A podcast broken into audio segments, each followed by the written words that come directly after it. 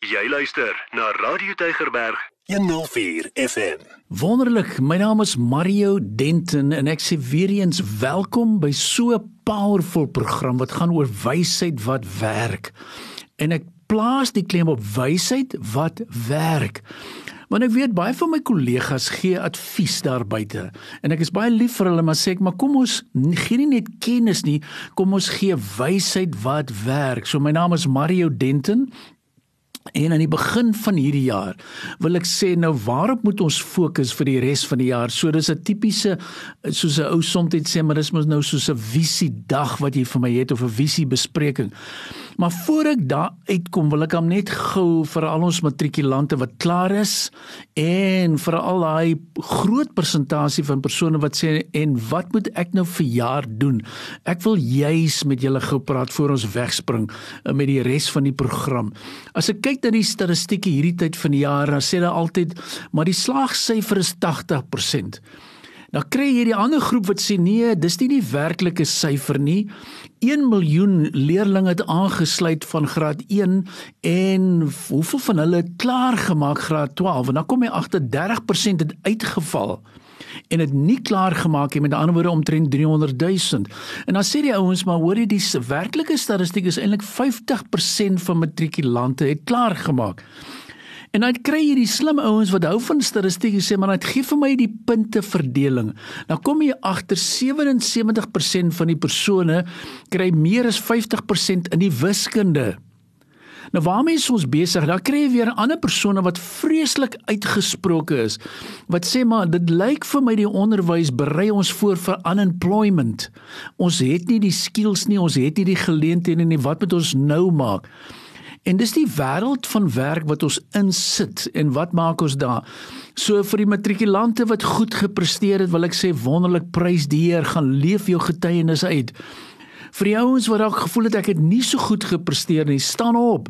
Maar nou wil ek juis praat met die ander groep wat sê maar en wat nou van my? Nou wil ek sê dis nie die einde van die wêreld nie. Alreeds in die begin van die jaar was ek al so besig met karier dat ek ouens net te help, maar die eintlike ding hoekom ek dit sê, daar is iets soos wat ons noem gap skills. Wat is gap skills? Gaan kry jou vaardighede. Gaan kry laat ons vir jou leer, laat ons vir jou seker dinge aanleer. Want hoekom sê ek dit? Weet julle as ons die koerante lees, dan praat hulle van in die tydskrifte nou weet ek waarna kyk ons, maar hulle praat van 'n woord. Dis die eerste keer wat ek daarvan gehoor het, kollektiewe depressie.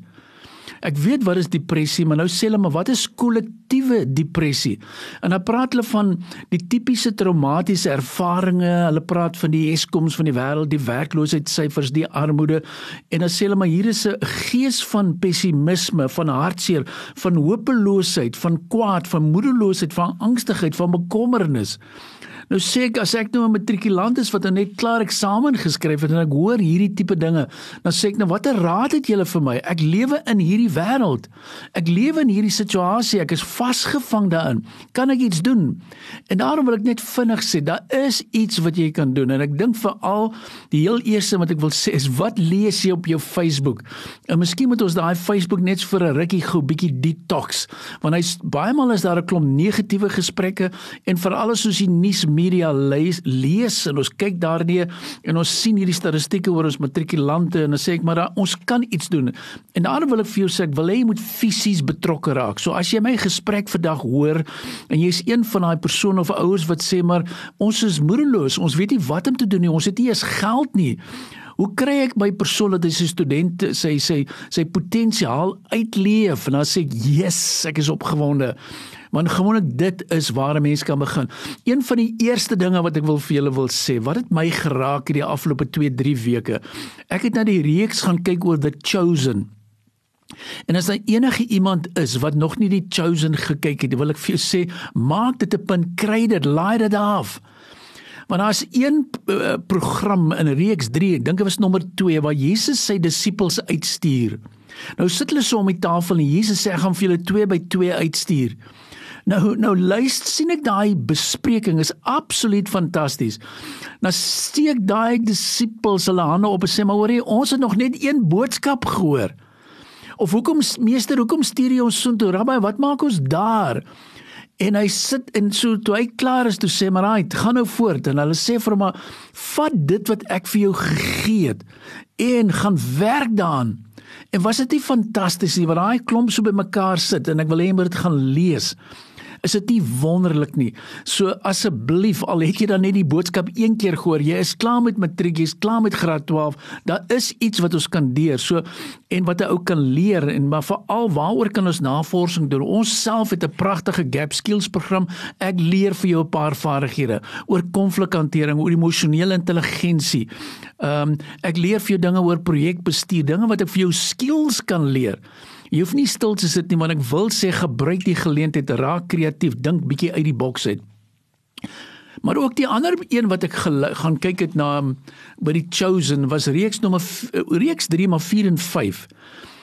En die twee bekendste maar was vir my werklik so geïnspireer oor die die vroutjie wat in bloedvloeiing gelei het en die ander ene was gewees oor die dogtertjie van Jairus wat dood was. Nou wat gebeur met hierdie vroutjie wat aan bloedvloeiing gelei het? Nou soek sy vir hulp en ewe skielik sê hulle maar jy pas nie hier in nie, gaan weg. Jy's jy's nie skoon nie, jy's eintlik besmet. Sy sê so maar ek soek daai rabbi, ek soek die rabbi, ek soek daai meester. En um, en ewe skielik kry sy nie wat sy wil hê nie. En eendag stap as ek kan kyk in die illustrasie waar Jesus op pad was na Jairus toe, was besig geweest. En besef sy as ek net sy kleed kan aanraak. En en weet julle wat so mooi was as jy gaan kyk na daai video toe sy toe toe, toe sy daai vroutjie Jesus se kleed aanraak.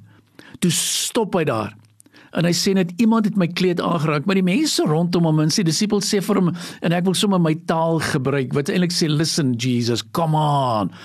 Daar is so baie mense wat jy kan aanraak. En hy sê nee wie het my aangeraak? Want hy het gesê ek voel krag uit my uitvloei. En toe kyk hy rond en ewe skielik sien hy hierdie vroutjie En hy sê eintlik in my leuke taal, maar jy het nou vandag ook vir my geïnspireer. It's your faith that turned me on. En dis waarvan ek gou in die begin van die jaar, jy weet, moenie saamval met hierdie kollektiewe depressie nie. Gebruik gaan aktiveer jou vyf in jou geloof wat sê ek kan iets doen met my talente. Al is jou persentasie of persent wat jy gekry het 40% of 45%, al lyk dit nie die beste van die wêreld nie. Jy kan 'n groot bydrae lewer en dan ook met hierdie die dogtertjie van jy Iris. Jy weet nou sê die mense sy's dood. En nou kom ek en ek sien die verhaal voor my waar die mense vir begin wys en sê nee sy's dood en Jesus sê sy's nie dood nie.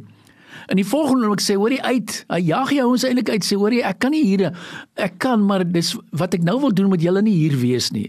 En hy stuur hulle uit want hy weet daar's ongeloof. Maar dis seker vir my een van die mooiste verhale. Toe sê sy maar sy leef en hy roep haar en hy sê hy dogtertjie staan op. En dis wat ek vir jou ook vandag wil sê in die begin van hierdie jaar vir al ons persone wat nou klaar is met skool en jy's dalk deel van hierdie groep wat sê ek is onseker. Jou mamma sê vir jou maar wat gaan jy doen eendag? Wat waar gaan jy swat? Kom asseblief laat ons daai gees kan optrek. Want jy's in hierdie jaar wil ek daai ding wakker maak in jou. Wat kan ons doen? Ons gaan 'n besonderse onderwerp bespreek. Dit gaan ek in my volgende sessie sê.